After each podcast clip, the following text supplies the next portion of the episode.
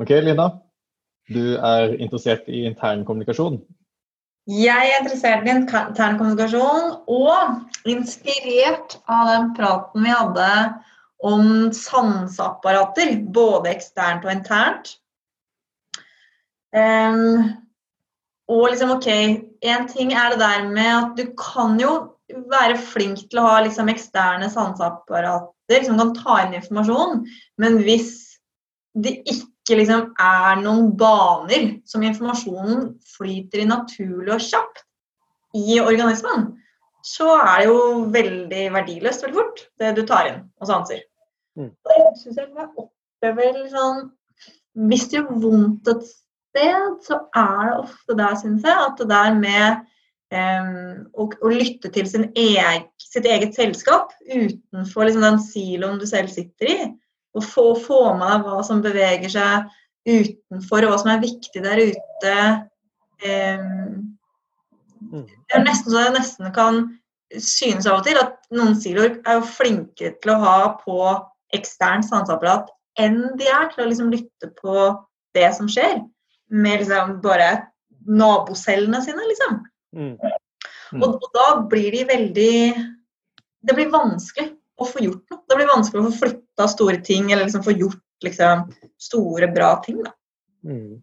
Bare fordi eh, organisasjonen ikke skjønner hva som skjer i resten av organisasjonen, så uansett hvor mye måtte organisasjonen sanser av omverdenen, så spiller det ingen rolle så lenge ikke du har et fungerende nervesystem. Ja, ja det, da blir litt sånn, den informasjonen blir litt sånn bortkasta. For det er jo eh, Sånn er det jo liksom veldig Det er jo veldig få siloer som egentlig er sånn fullbyrdige verdileverandører på egen hånd. Mm. Så, og, liksom, en IT-avdeling er liksom bare et eksempel på det, liksom. Men IT-avdelingen alene leverer jo ingen verdi liksom, til hele organismen den leverer jo bare liksom hva andre trenger for at liksom hele kroppen skal fungere. Eh, og, og, da, Det er jo livsviktig for, for IT-siloen å være tett kobla på resten av selskapet for å liksom vite hva er det som er viktig at vi gjør nå. Mm. Um, og å kunne også sånn liksom, Og bare liksom i en så praktisk hverdag som at uh, ja, hvis du som en IT-leder blir bedt om å levere liksom en rapport på liksom hva slags gevinst har din avdeling levert i dag. Kjempevanskelig å gjøre det hvis ikke du er tett knytta på liksom, hva de andre trenger. Og det jeg har levert nå, det hjelper liksom disse andre med å få til dette. Å kunne være på det. Altså, er intern kommunikasjon, og da er vi kanskje litt tilbake til det der med eh, Vi snakket jo sist om den derre Jeg opplever at mange selskap mye mer enn at de er rigga som eh, organismer kanskje er liksom mye mer bygd i der, den ideelle maskin. Hvor ting er liksom veldig sånn Du har en oppgave, og den bare utfører du. Og så lenge du utfører den, så fungerer alt optimalt.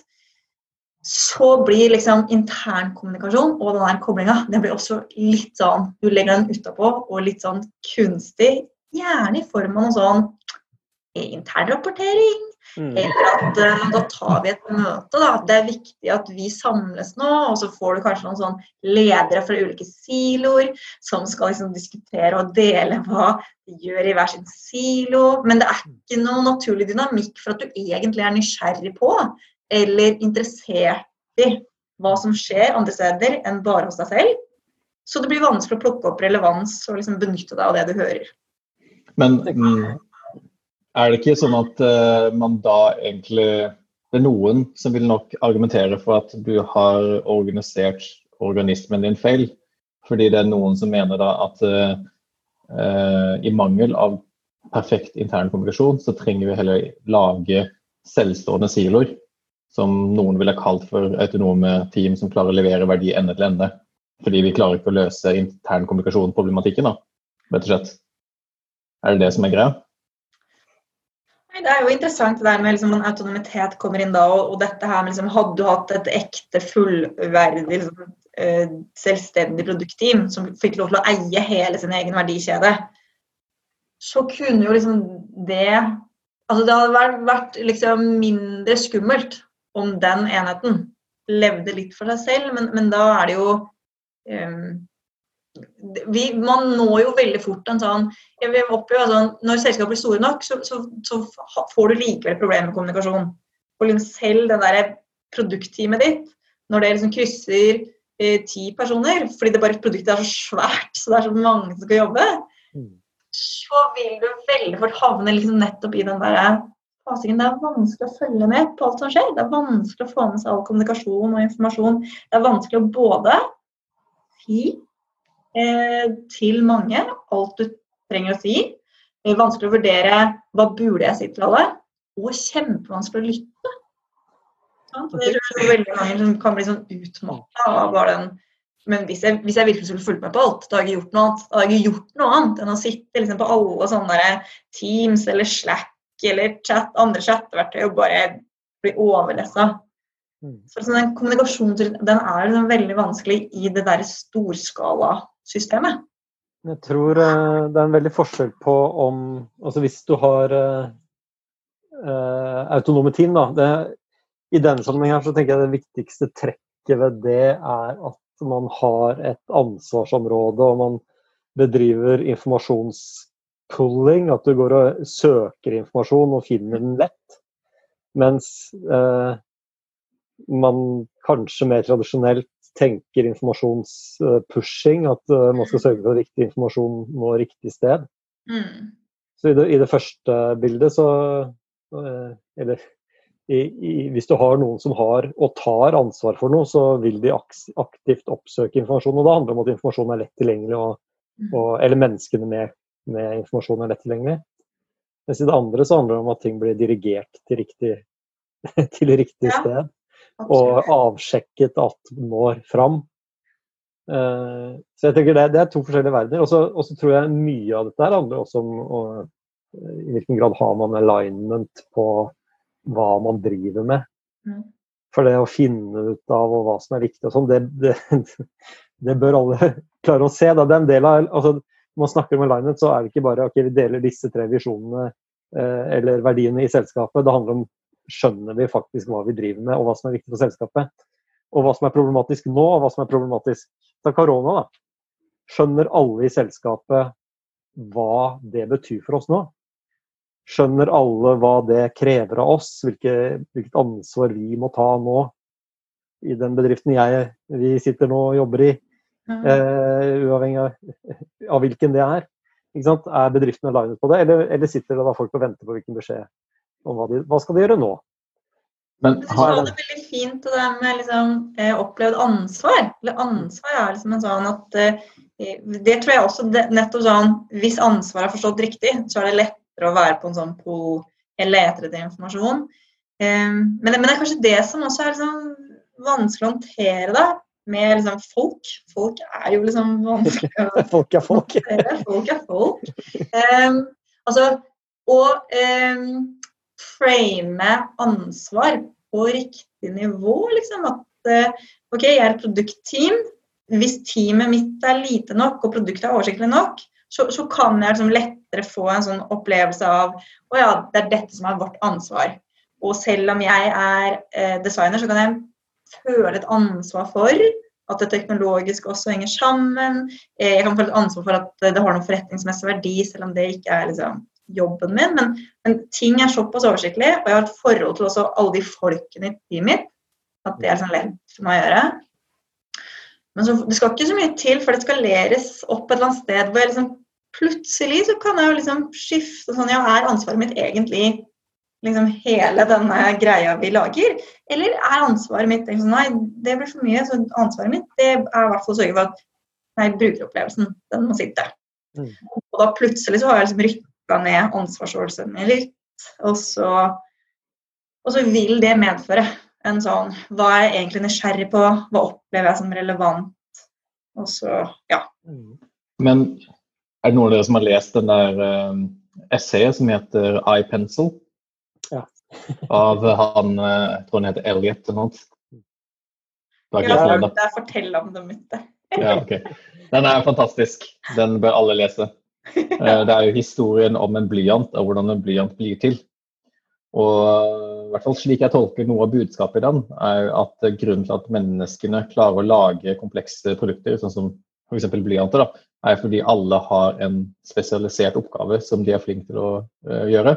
Og så har vi et, måte, et, fritt marked og alt det der som gjør at man klarer liksom, å, eller delvis fritt, da, som gjør at du klarer å liksom, uh, måte, Selv om du er måte, flink til å kunne utvikle noe, så klarer summen av at mange er flinke til å utvikle noe, bli til noe fantastisk. da, Sånn som en blyant i, case her. Så poenget med det er egentlig at dersom alle skulle ha prøvd å lage en blyant ende til ende, så hadde ingen klart å få det til. Men siden folk fokuserer og kanskje ikke tenker på ansvarsområdet sitt som så stort som å lage en blyant, men heller noe så smått som å hogge ned et tre, så klarer menneskeligheten som society i sum å lage en blyant. da. Så jeg bare liksom tenker at det er en sånn interessant eh, perspektiv i dette. da, i at uh, Jeg tror det vil funke med veldig veldig flinke folk i kanskje en begrensa organisasjon. Så vil det funke at folk tar et ansvar for hele retningen for organisasjonen og klarer liksom skjønne det. Men det krever uh, for det første et ansvar som ikke er altfor komplekst, mm. og en organisasjon som ikke er altfor stor. Men så mm. fort du når en organisasjon som la oss si 500 personer, da, sånn som Beck er, så er det vanskelig for selv de flinke folkene i Beck til å skjønne alt som skjer i Beck. Og Da må man begynne å spesialisere. Og Da kommer jo på en måte den ikke need to know, men hva er det som er relevant for deg å vite? Og Dermed så kan ikke du ha perfekt intern kommunikasjon, fordi det er altfor mye informasjon for hver enkelt person å skjønne alt som skjer. I den blyanten som skal bli til, så har man liksom krysset over liksom grensen over til bare Nå begynner det å bli så mange folk og så komplekse ting at da er plutselig størrelse en sånn positiv igjen, da, og ikke mm negativ, liksom. Men det er jo interessant, og det, det blyant-eksempelet er veldig veldig bra. fordi eh, Og så er det poenget at det finnes ikke ett menneske i verden som klarer alt. ikke sant? eller, jeg har sett det med iPhone nå, eh, eller iPhone som, som eksempel. òg. det finnes ikke ett menneske i verden som vet hvordan man bygger en iPhone. Og, og på mange måter så er alt vi gjør såpass komplekst. da. Eller skulle du gjort det ende til ende, så er det så komplekst at ingen kan beskrive det. Mm. Så, så, produktene vi bygger er eh, altså Selv et enkelt produkt er egentlig, et, eh, er så, egentlig så komplekst at du kan ikke bryte det ned i en, i en, arbeidsoppgave. Eller sitte på toppen og dele opp arbeidsoppgavene, fordi ingen kan egentlig gjøre det helt. Da. Eh, men du kan få til ekstre... Altså det Budskapet i den teksten er jo at det emergente kompleksiteten eller emergente eh, resultatet av mange små individer som gjør ting eh, på, eh, fordi de jobber med småting, da, så kan resultatet bli veldig stort.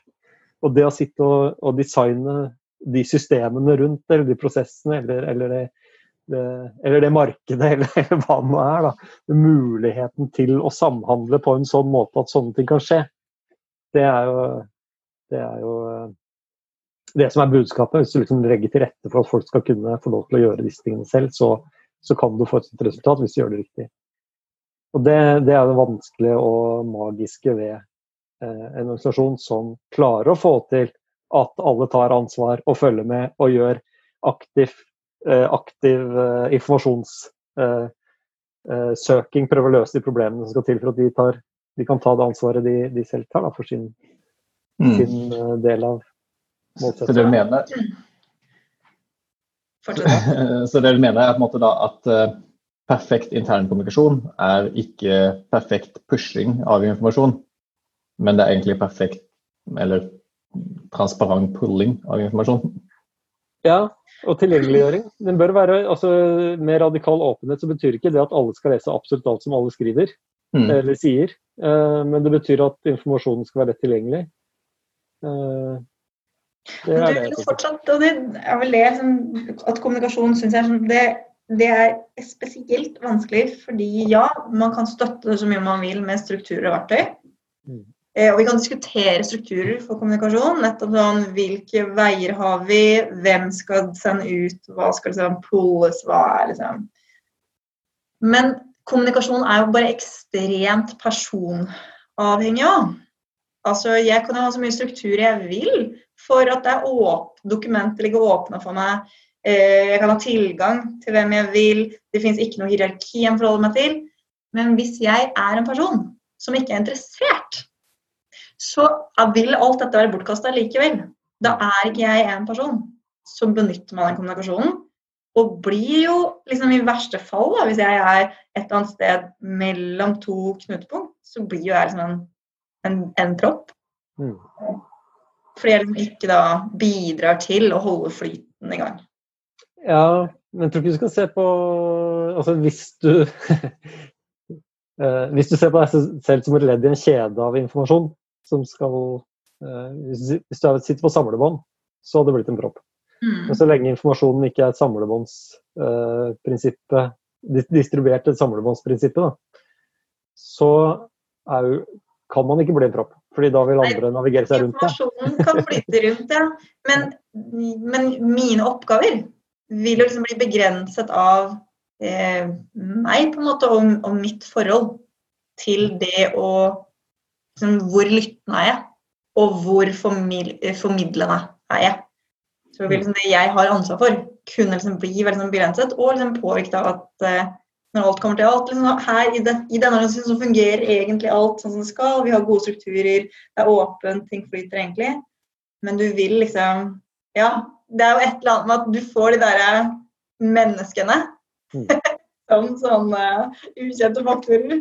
Som det er veldig vanskelig å designe seg Eh, det er vanskelig å designe. Det er vanskelig. Jeg, jeg, tror veldig mye av uh, den her, uh, si, dette, den, denne faktoren da, med at kultur spiser strategi til frokost, og, og hvor viktig en organisasjonskultur er. Grunnen til at det er viktig, handler om hvordan informasjon flyter internt i selskapet, og hvordan folk forholder seg til hverandre. Så jeg tror, jeg, jeg tror dette er noe av det viktigste for et selskap, er, er eh, hvordan dette funker. Og så er det samtidig noe av det vanskeligste å gjøre noe med. og ikke, ikke, en, eh, ikke, en, enkel oppskrift, annet enn eh, her er det noen prinsipper, det er noen kjennetegn, det er noen ting som de gode gjør eller får til. og som man ikke bare kan innføre ved, ved en eller annen prosjekt, men, men å skape over tid og, og passe på og mm. pleie. Mm. Så hvordan skal man oppsummere dette? Hva er liksom anbefalingen? Hva er deres beste råd når det gjelder intern kommunikasjon til en kunde, da, hvis man skulle si det sånn? Er man starter med? På Jens Andreas sin siste sånn uh, Kultur er liksom, liksom nøkkelord. Uh, og det å være veldig bevisst kulturen i selskapet ditt fordi det, det vil liksom påvirke veldig mye av de der nervebanene i den organismen. Flyter det eller flyter det ikke? Vil det skje eller skjer det ikke? Og du kan strukturere ganske mye, men før eller siden så er det liksom kulturen som avgjør om alle disse løse elementene spiller sammen. da. Og Hvordan skulle man beskrive den kulturen? At man vil ha folk som er nysgjerrige, og som skjønner sitt eget ansvar, og samtidig klare å balansere hvor mye de trenger å skjønne, og hvor mye de ikke trenger å skjønne? Vil, eller er det noe mer man ville brukt i den beskrivelsen av den kulturen? Uh. Ja. Selvorganiserende? ja. eller, eller, i hvert fall, hvert fall, den, hvert fall, den, biten som har med informasjon å gjøre, må flyte ganske fritt. da. Mm. Så kanskje man ikke trenger å være så veldig altså, 100 bruk av bildet av, eh, av eh, selskapet som en organisme blir jo, det blir jo aldri helt sånn, fordi det er masse rigide ting som er satt, og ting som er vanskelig å flytte på og, og ikke er så smidig. Men informasjon og, og ja, informasjon må flytte, være tilgjengelig ganske fritt. da. Men det uh, eneste problemet jeg ser med det, er at uh, alle stedene vi begynner eh, hos nye kunder, så liksom stiller man et spørsmål, og så får man beskjed om at ok, det spørsmålet er egentlig feil. eller på en måte, det, altså det spørsmålet er så på en måte det er såpass mye mer du må skjønne før du helt kan stille et spørsmål. Da. Og så kommer du til et visst sted hvor man kan stille et spørsmål, og så er svaret jo, det finnes i Confluence. Ja. Og så, altså, alt er egentlig på papiret tilgjengelig i Confluence, men det er såpass mye eh, på en måte unknown, unknown. Du vet ikke hva du egentlig burde vite. Mm. Så hvordan skal du på en måte komme over den terskelen til at du faktisk vet hva du burde vite. Hvordan skulle du komme dit at du har known unknowns, i hvert fall? I en pull-basert informasjonsflytkultur. Altså, nå piller vi inn i kanskje også noe annet som jeg også har kjent veldig på, og liksom absolutt som en sånn konsulent og designkonsulent som skal komme inn og bare Hei, ha noen kreative workshops og noen gode ideer. Eh, jeg blir jo litt Egentlig nå, etter at jeg er blitt gammel, jeg blir mer og mer gæren av den der ideen om at jeg bare kan stappes inn et sted, og så skal jeg liksom holde en sånn artig workshop også fordi jeg er utenforstående. Og dermed liksom helt sånn uhildet i hva jeg spør om og hva jeg foreslår, så er det, liksom, det er noe magisk som skal oppstå da. Men, men det Ja, det er litt naivt, tenker jeg. For det er jo et eller annet For det kan jeg liksom merke meg selv at sånn Det tar tid å skjønne liksom hele organismen å bli egentlig effektiv i nettopp det å vite hva er relevant informasjon for det jeg holder på med, hva er irrelevant, Eh, hvilke deler av organisasjonen er liksom Hvor er det egentlig liksom det gjør vondt? Altså, å, å, utvikle mitt eget sanseapparat, da, sånn at det blir effektivt, det tar tid. Mm. Jeg kan ikke komme med liksom, mitt i sanseapparat helt uavhengig hvor jeg er. Ja, det er kjempefint. det. Jeg er liksom nysgjerrig og jeg er liksom helt sånn uhindra av gammel bagasje. Så kan jeg bare koble på det sanseapparatet på hvilket som helst sted. Og så skal det funke. Det gjør det ikke. Kommunikasjon er jo mye mer sånn hvis ikke liksom mine eh, tagger ut passer inn i organisasjonen, så får jeg liksom ikke tak i det jeg vil ha. Og hvis jeg ikke får tak i det jeg vil ha, og har mye sånn bakgrunn, bred bakgrunnsinformasjon, så vil jo liksom ideene mine også bare være veldig dumme veldig mange ganger. Jeg tror, jeg tror eh, det du sa Altså dette med at informasjonen ligger lagret et eller annet sted. Det er bare å peke på det der, der borte. Den er jo ikke tilgjengelig da. Altså Det naturlige for mennesket er å gå og snakke med andre og ha lyst til å høre fra dem. ikke sant? Den derre samarbeids... Eller naturlig for mennesket er å snakke med noen og få, få høre hvordan ting er. Eh, og det å få vite at det ligger på en eller annen filserver et eller annet sted, og så lese det i tre døgn, og så eh, er det kommunikasjonen, det, det er veldig lite naturlig for oss. da. Eh, så jeg tenker, altså Skulle du gjort det ordentlig, så hadde du sagt så hadde de som har eh, Hvis alle som sitter med informasjon gjør det tydelig at meg kan du snakke med om disse tingene, meg kan du snakke om disse tingene, og, og få gjort det på en sånn måte at man faktisk virker imøtekommende og setter pris på at folk kommer og spør, mm. det er kanskje en endelig løsningen. Og Da er det tilbake til kultur igjen, tenker jeg. Altså den der Å gjøre seg selv tilgjengelig er en sånn kulturell ting. Jeg kan være en som bare sier men herregud, det står jo dokumentert i Confluence. Eller jeg kan være en sier men herregud, ta en kaffe, så kan vi prate om liksom. Yes. Og på en måte så er jo det det, det vi gjør i begynnelsen av et prosjekt. Altså Vi kommer inn og blir kjent med folk, og så lager vår egen ubevisste mindmap av hvem som kan hva, og hvem du bør snakke med for å liksom drodle en idé. Mm. Og sånn fungerer selskapet nå. ikke sant? Folk sitter og snakker med hverandre. Det er jo alle de der uformelle eh, pratene og altså, rundt kaffemaskinen, kaffepraten, og mm. eh, hvem som kjenner hvem og jobbet sammen tidligere, og alle de der ting som ikke står på Confluence. Det er jo der selskapets liv faktisk foregår. Ja. Det er det man skal bli kjent med, det er det som det gir verdi å bli kjent med. Det er der, det er, det er der du finner svaret på hvorfor ting blir stoppet opp eller ikke funker, eller, eller ting svikter. da. Ikke så, så det vi sier, er at intern kommunikasjon er eh, kultur, et resultat av kultur. Og eh, måte, dessverre er folk er folk, og heldigvis så er folk folk. Ja, riktig. Yes. All right. Vi snakkes. Det er kjempebra. Takk.